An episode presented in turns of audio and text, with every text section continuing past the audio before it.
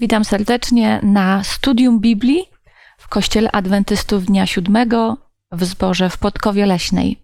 W tym sezonie rozmawiamy o Księdze Powtórzonego Prawa, czyli piątej Księdze Mojżeszowej, a dzisiaj konkretnie będziemy mówić o miłości do Boga.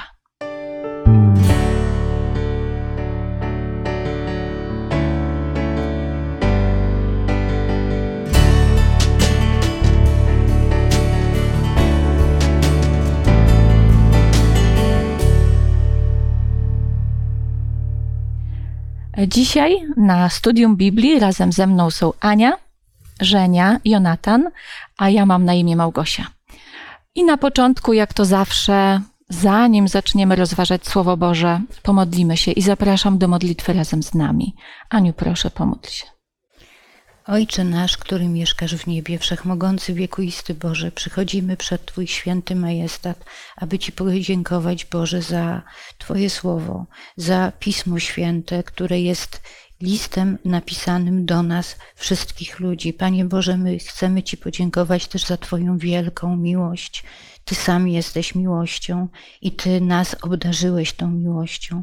Panie Boże, teraz chciałabym bardzo w naszym imieniu prosić Cię o to, żebyś był z nami, żebyś nas prowadził przez to studium, które jest studium mówiącym właśnie o miłości. Panie Boże, daj nam mądre myśli, daj nam umiejętność formułowania y, zdań, słów i bądź z nami i bądź z naszymi słuchaczami, którzy będą oglądać to studium. W imieniu Pana Jezusa Chrystusa o to proszę. Amen. Amen. Miłość do Boga y, jest taką jedną z uniwersalnych prawd Biblii. Nie wiem jak wy, ale ja się często spotykam z takim podejściem, y, że Bóg Nowego Testamentu to jest Bóg miłości, a Bóg Starego Testamentu to jest Bóg prawa, to jest taki groźny Bóg. Y, no i też słyszałam takie opinie, że jak Jezus mówi o dwóch największych przykazaniach, o miłości do Boga i miłości do drugiego człowieka, to są takie nowe przykazania, które są ustanowione przez Jezusa. My w Księdze Powtórzonego Prawa możemy czytać właśnie o tej miłości do Boga również. I będziemy o tym rozmawiać, że ta miłość, miłość do Boga, miłość do człowieka, to nie są nowe prawa ustanowione przez Jezusa, to są prawa uniwersalne, które obowiązywały zawsze. I może przeczytam na początek taki tekst z piątej księgi Mojżeszowej, właśnie, szóstego rozdziału, piąty werset. Będziesz wtedy miłował Pana, Boga swego, z całego serca swego i z całej duszy swojej i z całej siły swojej. I właśnie o tej miłości do Boga będziemy dzisiaj rozmawiać. Ale zacznę od takiego prostego pytania. Co to znaczy kochać? Co miłować, kochać? No, są różne skojarzenia, co to jest miłość i kochać. Jak patrzymy na współczesną kulturę, czy to Hollywood, czy to media różne, to najczęściej to jest jakiś romans, po prostu takie coś, co jest, może się zmienić, coś, co nie jest trwałe na bazie emocji.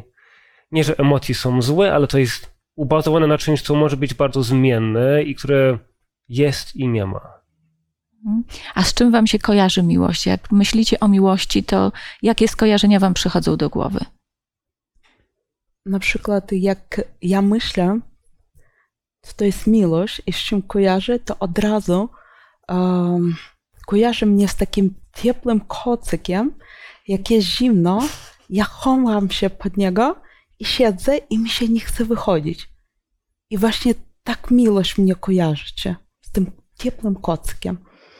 Aniu? A mnie się kojarzy z miłością rodzicielską, z miłością matki, z miłością ojca. To pierwsze skojarzenie. Drugie skojarzenie to miłość małżeńska, ponieważ no już 40 lat jestem w szczęśliwym związku małżeńskim i to jest coś, co, co mi się bardzo szybko kojarzy. To są takie moje pierwsze skojarzenia, ale myślę, że to teraz wystarczy. No, mówicie takie piękne słowa. Ja myślę, że Jonatan tutaj troszeczkę tak pokazał tą niestety złą stronę tej miłości, takiej w grzesznym świecie, jaka jest teraz. E, w, kont w kontraście do idealnej miłości właśnie rodzicielskiej, która niestety też nie zawsze jest taka idealna, albo do miłości małżeńskiej, która y, na tym świecie, na tym świecie ja bym powiedziała, coraz jest rzadsza i coraz mniej idealna. Ale Biblia faktycznie, Bóg przez Biblię uczy nas bardzo wiele o miłości. Uczy, czym jest miłość, co to znaczy kochać. I może zacznijmy powtarzając ten tekst. Jakbym mogła, Aniu, Ciebie prosić o przeczytanie jeszcze raz tego tekstu z Księgi Powtórzonego Prawa, szósty rozdział i piąty werset. Będziesz wtedy miłował Pana Boga swego z całego serca swego i z całej duszy swojej i z całej siły swojej. No i właśnie, co to znaczy kochać z całej siły, z całej duszy, z całego serca? To znaczy kochać tak, że nic nie jest tak ważne jak ta miłość. Żaden inne uczucie, czy żaden inny obowiązek, czy żadna inna y, sprawa nie, nie może być silniejsza od tego uczucia, od tej miłości do Boga. I tej miłości uczymy się całe życie. Ja chciałam powiedzieć, że niestety my żyjemy w takich czasach, gdzie Znaczenie samo słowa miłość jakby prowadzi tylko do uczucia. I to jest dobrze, ale Pismo Święte pokazuje, że jest jeszcze więcej coś. I o tym mało mówimy, o tych czynach. Do czego to prowadzi? Do tego, że pokazuje to, że przez te czyny pokazuje, że Bóg nas kocha i oznacza jest to, że na przykład On chce, żeby my wypełnili Jego przykazanie, Jego wolę, wszystko, co On do nas mówi, żeby my to wypełnili. Mhm. Ja bym chciała przytoczyć definicję miłości, którą, y, o, której mówi y, Paweł w swoim pierwszym liście y, do Koryntian. W trzynastym rozdziale czytałabym od czwartego wersetu. Miłość jest cierpliwa, miłość jest dobrotliwa, nie zazdrości, miłość nie jest chełpliwa, nie nadyma się, nie postępuje nieprzystojnie, nie szuka swego, nie unosi się, nie myśli nic złego, nie raduje się z niesprawiedliwości, ale się raduje z prawdy. Wszystko zakrywa, wszystkiemu wierzy, wszystkiego się spodziewa, wszystko znosi. Miłość nigdy nie ustaje. No ja bym powiedziała, że chyba my chrześcijanie i każdy, kto czyta Biblię, powinniśmy sobie ten tekst czytać codziennie, żeby sobie przypominać w praktyce, czym jest miłość. Ale w Biblii jest o wiele więcej takich podpowiedzi, czym jest praktyczna miłość, yy, która generalnie tłumaczy, że miłość to nie jest tylko, to nie jest tylko uczucie, coś takiego ulotnego, jak ty, Jonatan, powiedziałeś. I nawet ten tekst, który wcześniej czytaliśmy z szóstego rozdziału Księgi Powtórzonego Prawa, ten tekst o miłości, żeby kochać Boga, on jest włożony w taki kontekst. Ja sobie tutaj wypisałam. Czwarty rozdział mówi o wezwaniu do posłuszeństwa. Piąty rozdział tej księgi powtórzonego prawa to jest powtórzenie dziesięciu przykazań. Szósty wymienia to największe przykazanie kochać Boga.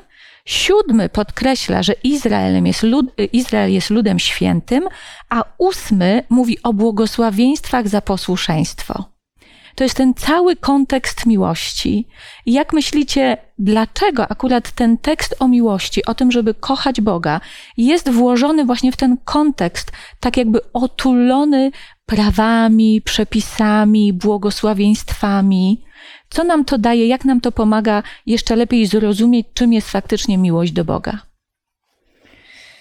Nie można mówić o miłości do Boga, nie wspominając o tym, że wpierw, zanim myśmy nauczyli się, czy uczymy kochać się Boga, to Bóg nas ukochał. Bóg kocha każdego człowieka i całe Pismo Święte jest pełne e, takich cytatów, które o tym mówią. I e, cała historia e, narodu izraelskiego to jest historia e, Bożej miłości do pojedynczego człowieka i do e, całego narodu. I Pan Bóg, zawierając przymierze na początku z Abrahamem, potem z jego potomkami, czyli Izraelitami według ciała,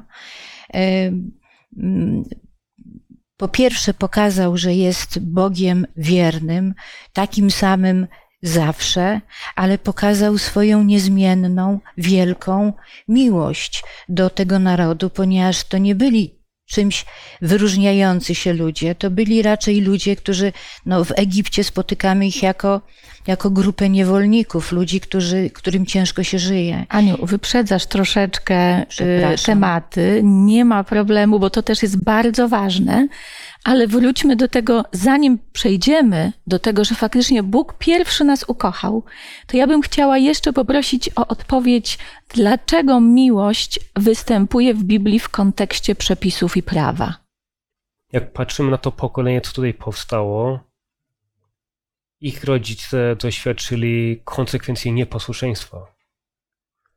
Oni mogli iść do ziemi obiecanej, ale zdecydowali nie. Zbuntowali się i wtedy, kiedy zobaczyli, jakie będą konsekwencje, to nie, nie, teraz chcemy iść, teraz chcemy iść.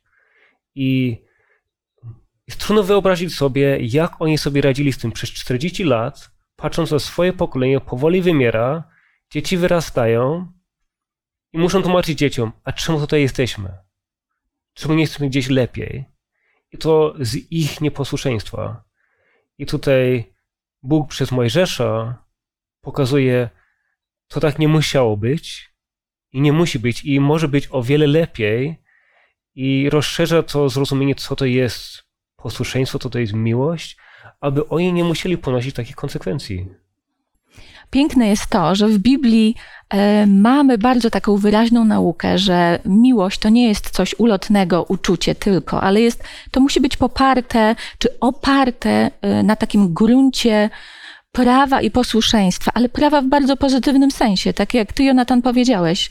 E, to młode pokolenie, które musiało patrzeć na cierpienia tak naprawdę tych swoich rodziców, ale i swoje, no bo przecież oni przeszli też razem z tymi rodzicami, musieli patrzeć na skutki nieposłuszeństwa, a potem Bóg mówi: Będę ci błogosławił, tak, tak i tak, tylko bądź mi posłuszny i że kochać Boga, no to jak będziesz mi posłuszny, to, to będzie ta miłość dwustronna, bo Bóg, jak ty, Aniu, powiedziałaś, ukochał nas o wiele wcześniej, ale to jeżeli faktycznie mnie kochacie, będziecie mi posłuszni, ale nie dlatego, że ja jestem tyranem, tylko dlatego, że to jest dla was dobre i że to jest dla was błogosławieństwo. I to tutaj Dokładnie. też trzeba powtórzyć przykazania, bo na początku przekazań to jest przypomnienie, że Bóg pierwszy ich uwolnił z Egiptu. Bóg pierwszy coś zrobił i jaka jest nasza odpowiedź na to? Tutaj ciągle Bóg powtarza to. Ja zrobiłem, co jest wasz wybór. Mhm. A teraz y, często y, w Starym Testamencie natykamy się na takie y, teksty, które mówią, że powinniśmy się Boga bać. No właśnie to, jak możemy pogodzić to, że mamy kochać Boga, miłować Boga, a jednocześnie bać się Boga. Zacznijmy może od przeczytania tekstu też właśnie z Księgi Powtórzonego Prawa, też z szóstego rozdziału, drugi werset. Jonatan, mogę Cię prosić o przeczytanie? Czytam z Biblii Starego i Nowego Przymierza. Dzięki przestrzeganiu wszystkich Jego ustaw i przykazań, które nadają Tobie, Twoim synom i wnukom po wszystkie dni życia, Masz żyć w bojaźni Pana, swojego Boga. One zapewniają Ci długie życie. Dziękuję. E, Aniu, masz Biblię Warszawską, możesz przeczytać również z tego e, przykładu? Abyś był przejęty czcią dla Pana Boga Twego, przestrzegając po wszystkie dni Twego życia wszystkich Jego ustaw i przykazań, które ja, ci dziś, nakazu- ja, ja dziś nakazuję Tobie, Twoim synom i wnukom, i abyś żył długo. Ja jeszcze przeczytam e, tłumaczenie z Biblii, Nowej Biblii Gdańskiej, jak ten tekst brzmi. Żebyś się obawiał wiekuistego, Twojego Boga, przestrzegając wszystkich Jego ustaw i przykazań, które Ci nakazuje. Ty, Twoi synowie oraz synowie Twoich synów po wszystkie dni Twojego życia, aby się przedłużyły Twoje dni. No właśnie na podstawie chociażby tego jednego tekstu w różnych tłumaczeniach, co to znaczy bać się Boga? Bać się Boga to znaczy mieć z tyłu głowy, mieć świadomość tego, że Bóg jest wszechmogący, Bóg jest naszym stworzycielem, Bóg jest wszechwiedzący i, i od Niego zależy każda chwila naszego życia. To znaczy bać się Boga, ale to jeszcze więcej.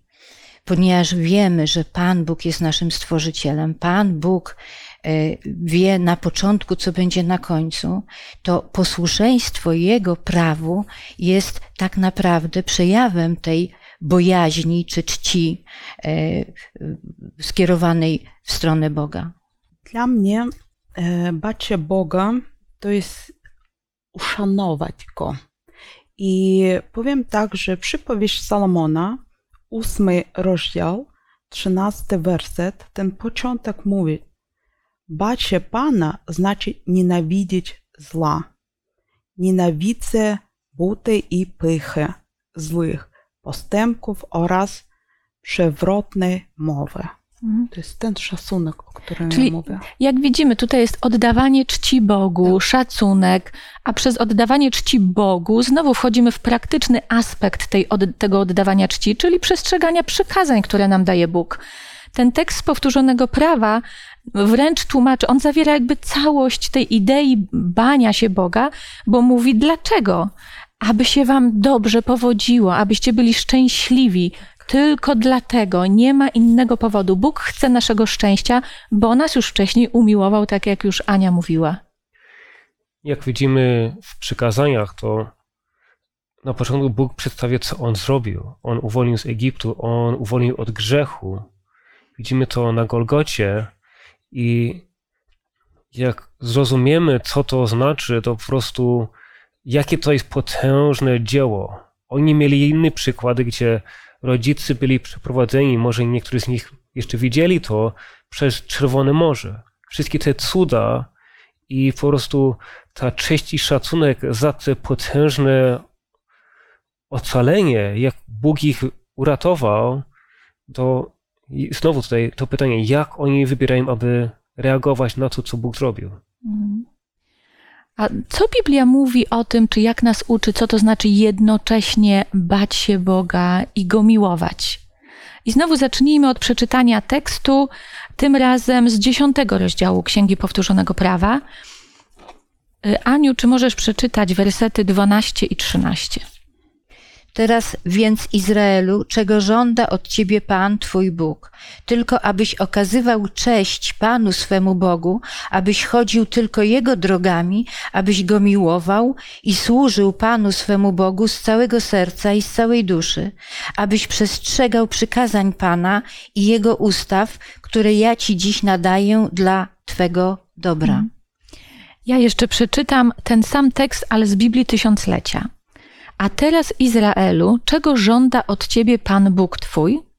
Tylko tego, byś się bał Pana, Boga swojego, chodził wszystkimi Jego drogami, miłował Go, służył Panu, Bogu Twemu z całego swojego serca i z całej swej duszy, strzegł poleceń Pana i Jego praw, które ja Ci podaję dzisiaj dla Twego dobra.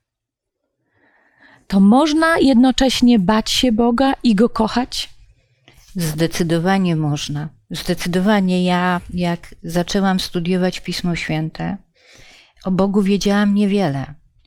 E, Pamiętałam z dzieciństwa jakieś takie dziecinne rzeczy. I pomału, czytając, studiując Pismo Święte, zakochiwałam się w tym Bogu, ale widziałam też, że jest potężny, że jest wszechmocny, że On panuje nad historią, On panuje nad życiem każdego z nas. W związku z tym miłować, bo jest wspaniałym, cudownym, kochanym super ojcem. Ale bać się go, ponieważ on rządzi wszechświatem. On rządzi wszystkim i wszystkimi. Hmm? W pierwszym liście Jana 4:18 mamy taki fragment, który pisze: W miłości nie ma lęku. Jan jest jeden z uczniów, który najbliżej poznał Chrystusa i podkreśla jednocześnie, że ci, którzy miłują, przestrzegają prawo, przykazania, ale tutaj też znowu się łączy ten element miłości i lęku, czy bojaźni. I tutaj jakoś sugeruje, że się to da.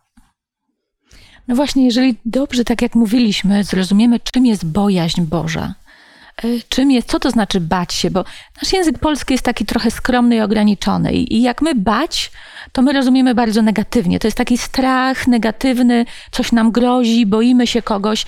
Natomiast tutaj widzimy, że Bóg nas kocha, mamy tą relację miłości, kochamy Boga, Bóg kocha nas i mamy się go bać. To nie jest strach negatywny to jest ta bojaźń, która wypływa z szacunku ogromnego, bo tak jak ty, Aniu, podkreśliłaś, to jest wszechpotężny, wszechmocny Bóg, który stworzył cały świat, który nad wszystkim panuje. Ja sobie zawsze porównuję to, e, na przykład mamy teraz e, królową brytyjską. No jeżeli ktoś idzie na wizytę do królowej brytyjskiej, no to on po pierwsze ubierze się stosownie, to wszystko będzie zgodne z jakimś tam protokołem, wszystko będzie ustalone, on nie będzie sobie z królowej żartował, nie będzie z niej kpił, a jak królowa coś powie, to na ogół przytaknie i jak królowa o coś poprosi, to na pewno zrobi. E, I tak się zastanawiam, czy my Boga czasami nie traktujemy częściej jak kumpla, którego możemy sobie pogadać z nim, kiedy mam ochotę, a zignorować, kiedy nie mamy na niego ochoty, niż na tego właśnie wszechpotężnego Boga, którego owszem, on nas ukochał. On powiedział, mówcie rabbi, tatusiu, ojcze, ale jednocześnie to jest wszechpotężny Bóg. I dla mnie ten szacunek i miłość to jest taki, to jest taka do, doskonały nasz związek z Bogiem, który powinien nas, y, tworzyć tą relację naszą z Bogiem. Miłość i szacunek. Mi się wydaje, że to się łączy z naszą tendencją, aby wsadzać ludzi do boksu. Że ktoś jest policjantem, to po prostu to jest cały nasz obraz tej osoby. Czy ktoś jest daje sobie tam jakikolwiek nazwę i patrzymy tak tylko jednostronnie na coś, a tutaj wszechmocny Bóg pokazuje różne obrazy i swojej miłości, swojego charakteru. Jest i kochającym Ojcem, a też jest potężnym Bogiem wszechmocny, który stworzył cały wszechświat. Jest gotowy potężne cuda zrobić i też z jednej strony jest też gotowy sąd, jakiś po prostu wyrok i takie, co widzimy jako smutniejsze rzeczy, nawet dla niego to są straszne rzeczy, to są, są różne te perspektywy, jak patrzymy na Boga. Mhm. To jest ta miłość i sprawiedliwość. A nawiązując do tego, co ty, Jonatan, mówisz, i jeszcze dodając do tego pytanie, czy to bać się Boga nadal nas obowiązuje? Bo wielu chrześcijan teraz uważa, że, no, tak jak na początku mówiłam, Bóg Nowego Testamentu to jest Bóg miłości. Tam już nie ma przykazań, nie ma tej właśnie srogości, srogej sprawiedliwości, tylko jest miłość. Przeczytajmy może tekst tym razem z Księgi Apokalipsy, z 14 rozdziału, 6 i 7 werset. I zobaczymy, czy Bojaźń Boża również występuje e, w Nowym Testamencie. Żenia, mogę Cię prosić o tak. przeczytanie.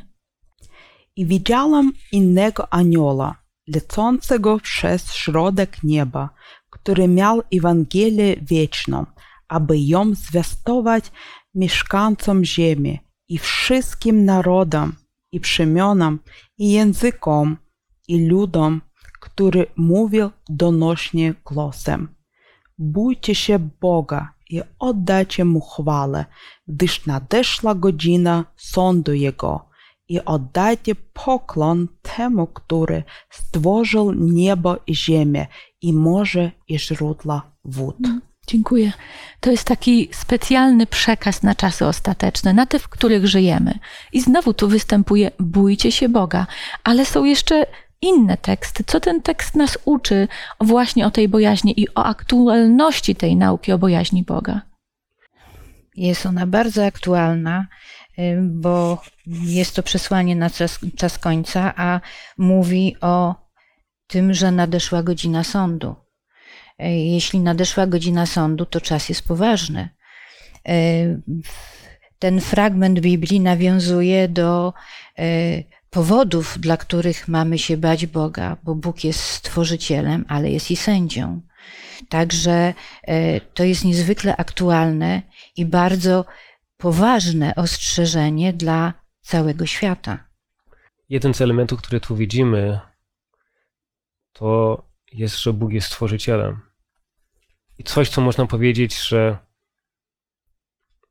szczególnie w ostatnich 100 do 200 lat, co stało się bardziej powszechne, to jest, że ludzie są ateistami. Nie uznają jakiegokolwiek stworzyciela czy stwórcę. W każdej kulturze jest, już są różne religie, różne poglądy, ale ogólnie była przyznawana jakaś siła, coś pozaludzkie, które stworzyło, a szczególnie w naszych czasach widzimy, że to całkowicie zostało odrzucone. I jak podchodzimy do tego, że ktoś nas naprawdę stworzył, i to pokazuje też naszą relację. Jak przyznajemy, że Bóg nas naprawdę nas stworzył, to co to wymaga od naszego życia, od naszego podejścia do różnych relacji. Chcę dodać, że Biblia w tłumaczeniu Piotra Zaręby, wydana przez Ewangelistyczny Instytut Biblijny, tam jest napisane: Nie bójcie się Boga, a uszanujcie Boga. To jest znowu to, o czym cały czas tak. rozmawiamy, tak? Czym jest ten, to banie się Boga, bo nawet słowo strach to mi tutaj nie, tutaj nie bardzo pasuje. Natomiast ten tekst zdecydowanie mówi, to jest cały czas aktualne. Tak, zarówno y, posłuszeństwo wobec Bogu, uszanowanie Go jako Stwórcy, to jest aktualne. I tutaj faktycznie, tak jak Ania powiedziała, żyjemy w tych czasach sądu. I Bóg jest miłością, Bóg jest miłosierny, ale Bóg jest sprawiedliwy. I Biblia nas uczy, jakie są konsekwencje, tak jak na pustyni, ci, te dzieci mogły patrzeć, jakie są konsekwencje nieposłuszeństwa, tak samo my, i tutaj z tego tekstu możemy widzieć, możemy się uczyć, jakie są konsekwencje nieposłuszeństwa. I Bóg nas ostrzega nie dlatego, że jest srogi, ale dlatego, że nas kocha i chce nas uratować. Ten fragment, e, szósty werset czternastego rozdziału objawienia zaczyna się i widziałem innego anioła lecącego przez środek nieba, który miał Ewangelię wieczną ostrzeżenie Boga zaczyna się od głoszenia dobrej nowiny, od głoszenia, że jest ratunek dla każdego upadłego człowieka. To świadczy o Bożej miłości. I mówiliśmy już o tym, ty Aniu mówiłaś, że Bóg nas ukochał pierwszy. I myślę, że to jest niezwykle ważne, że to nie jest tak, że srogi Bóg oczekuje miłości i posłuszeństwa, i On dopiero nas będzie kochał, jak my będziemy posłuszni. Nie, on ukochał nas pierwszy. A żeby udowodnić, że to nie jest tylko moje zdanie, to przeczytajmy kilka tekstów z Biblii. Zacznijmy może od y, tekstu z listu do Efezjan, pierwszy rozdział, trzeci i czwarty werset.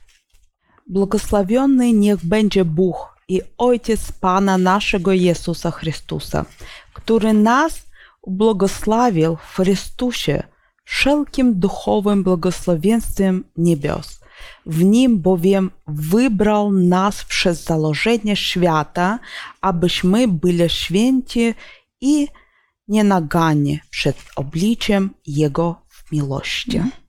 I ta sama nauka, jak tu widzimy w Nowym Testamencie, jest też w Starym Testamencie, czyli jeszcze raz pokażemy, że Stary Testament to nie jest oderwany albo nie ma innych praw niż Nowy, Jonatan, jakbyś mógł przeczytać tekst właśnie z Księgi Powtórzonego Prawa, czwarty rozdział, 37 werset. A ponieważ ukochał Twoich ojców i wybrał ich potomstwo po nich, to wyprowadził Cię przed sobą z Egiptu w swojej wielkiej mocy. I Aniu, jakbyś mogła jeszcze przeczytać tekst również z Księgi Powtórzonego Prawa, dziesiąty rozdział i piętnasty werset. Jednak tylko do Twoich ojców przywiązał się Pan, Twój Bóg, aby ich miłować, a po nich wybrał ze wszystkich ludów Was, ich potomków, jak to jest dziś. Czyli Bóg najpierw pokochał nas. Najpierw wybrał, pokochał naród izraelski, który był naprawdę mało posłuszny, a potem ich dopiero uczył tej miłości. A dlaczego Bóg wybrał i pokochał tak jak Stary Testament mówi, ten naród izraelski. Specjalny był jakiś. No ja już zaczęłam mówić, że naród izraelski, zresztą Biblia to podkreśla w wielu momentach, że naród izraelski był małym, nic nieznaczącym narodem, ponieważ y, w momencie, w którym, w, w którym Bóg ingeruje w ich losy, w cudzysłowie ingeruje, bo Bóg prowadzi życie każdego narodu i każdego człowieka, to spotykamy ich w Egipcie jako niewolników, ludzi, którzy, którym bardzo źle się wiedzie. I Bóg wyprowadza ich z wielu powodów. Jednym z tych powodów jest to, że obiecał to Abrahamowi, ich praojcowi, praojców y, według ciała, ale też y, Pan Bóg kocha wszystkich, kocha każdego człowieka. Wobec powyższego, pokazując tą miłość, wyprowadził najsłabszy, najmniejszy naród z niewoli, pokazując swoją potęgę i moc. Mhm. A na poparcie Twoich słów możemy przeczytać tekst z Księgi Powtórzonego Prawa, siódmy rozdział, siódmy i ósmy werset. Pozwólcie, że przeczytam ja tym razem. Nie dlatego, że jesteście liczniejsi niż wszystkie inne ludy, przylgnął Pan do was i was wybrał, gdyż jesteście najmniej liczni ze wszystkich ludów, lecz w miłości swej ku wam i dlatego, że dochowuje przysięgi, którą złożył waszym ojcom, wyprowadził was Pan możną ręką i wybawił cię z domu niewoli, z ręki faraona króla egipskiego. Ze swojej miłości pokochał. Izrael nie musiał nic robić. Tam nie ma żadnego związku pomiędzy tym, jak Izrael się zachowywał. Tylko Bóg obiecał, Bóg pokochał i Bóg wybrał. A powiedzcie mi, dlaczego i kiedy Bóg pokochał was? No, Jan mówi, że pokochał nas, zanim jeszcze byliśmy w naszych grzechach. Ja mam przywilej, że jestem już trzecim pokoleniem adwentystą dnia. To nie znaczy, że od razu wierzę i akceptuję wszystko, co rodzice oni wierzyli, uczyli. Każdy musi sam dojść do tego, ale jak podjąłem tą decyzję, to widzę, jak Bóg działa w moim życiu. Ja się nawróciłam niedawno, ale jak patrzę na moje życie wstecz, to wielokrotnie już podkreślałam, to widzę Bożą miłość, Boże działanie w moim życiu, Boże prowadzenie. To jest coś niesamowitego, dlatego że Bóg kocha każdego człowieka. Kocha człowieka, nienawidzi grzechu. Wobec powyższego to, e, z czym ja się spotkałam, tym, że Pan Bóg mnie e, prowadził, jak byłam daleko od Niego, to jest nic nadzwyczajnego. Bóg jest taki dla każdego człowieka. Mnie bardzo ciężko odpowiedzieć na to pytanie, bo ja nie wiem, za co mnie Bóg pokochał, ale to, że ja jestem, to już jest, to jest mówię o tym, że On mnie pokochał i ja po prostu biorę tą, to wszystko wiarą i wiem, że On po prostu kocha mnie bez różnych warunków. Kocha. Mhm. To jest właśnie, Żenia, piękne to, co powiedziałaś. Bóg nas kocha bezwarunkowo. Ja nie wiem, jak wy odczuwacie to, ale ja mam wrażenie, że Bóg wołał mnie wiele razy i przez długi czas, zanim ja nauczyłam się kochać Jego.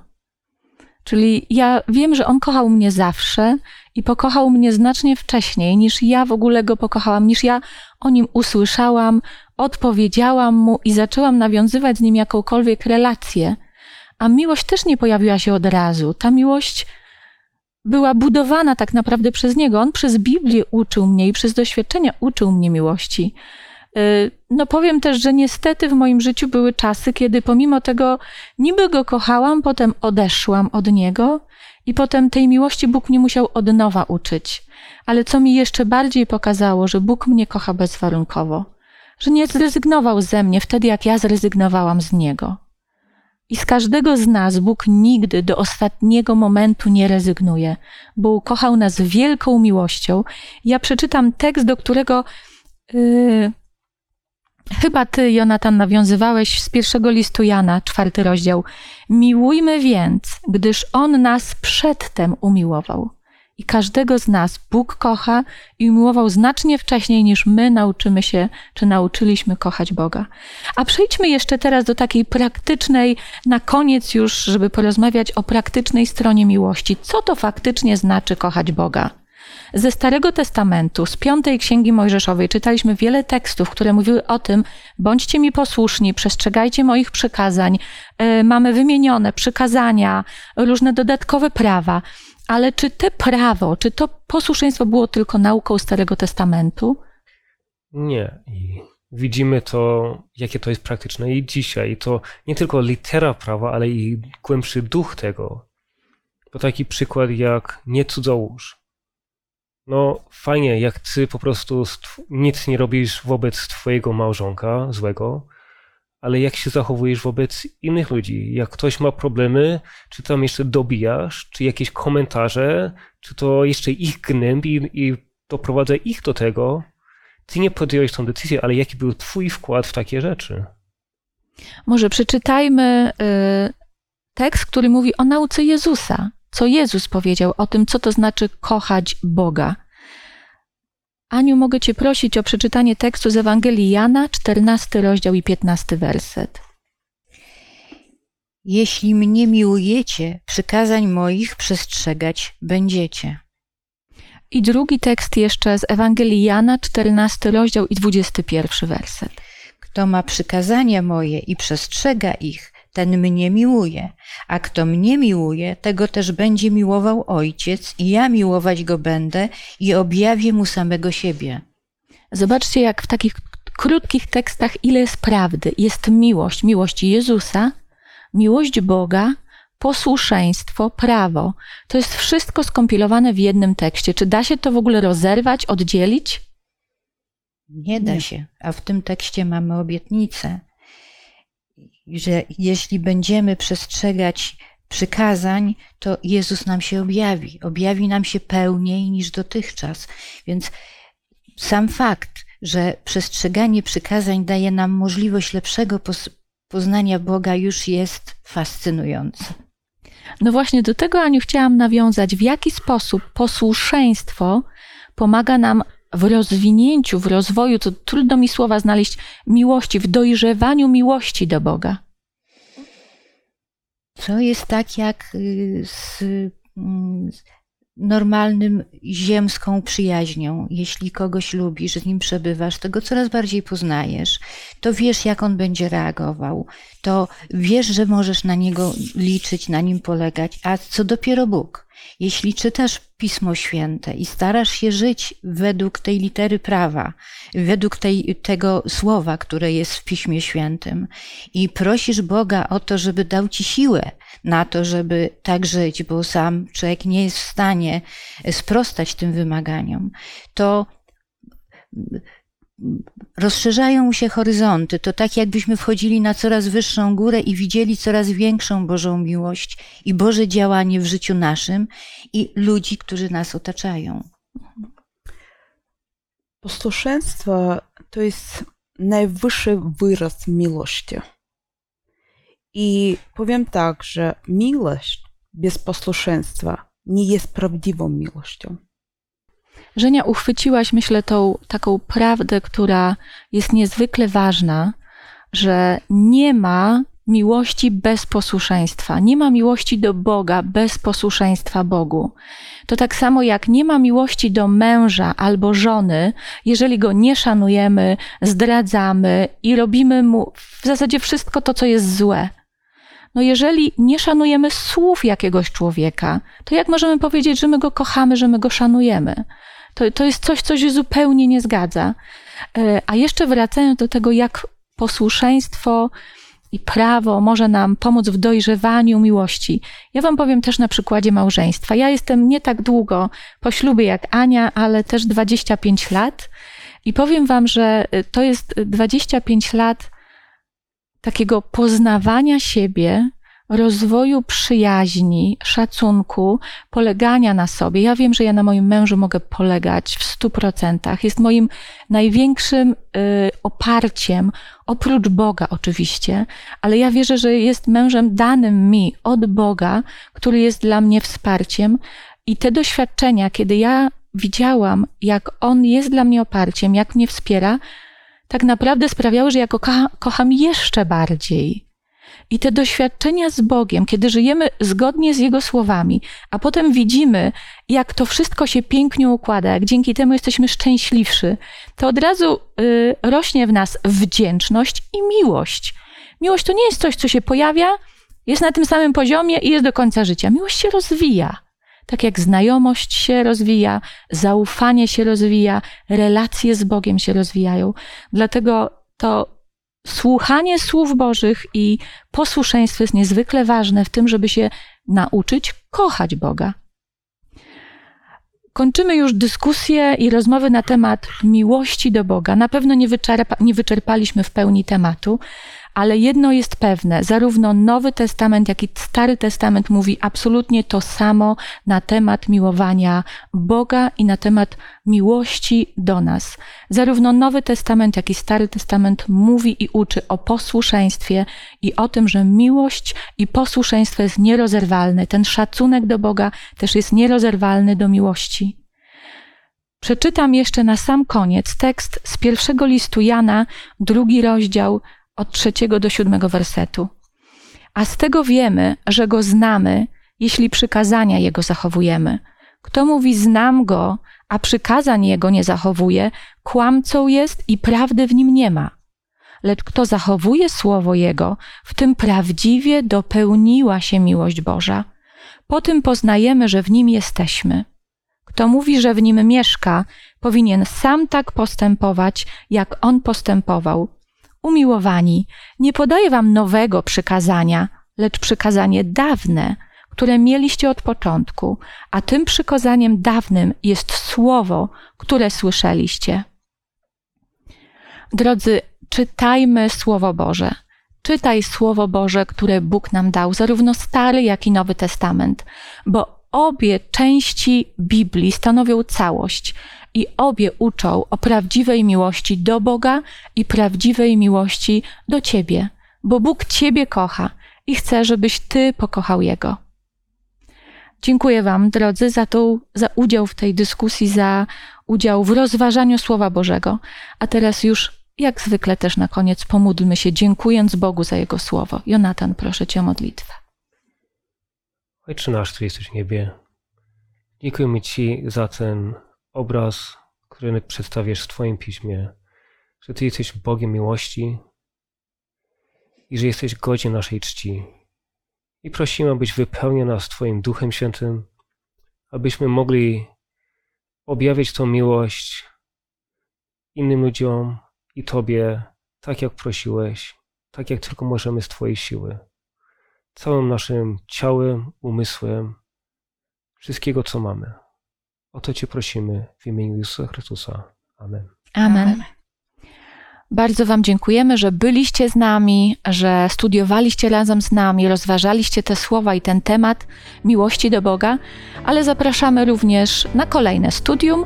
Tym razem temat będzie omawiany Obcy przybysz w Twoich bramach. Zapraszam serdecznie.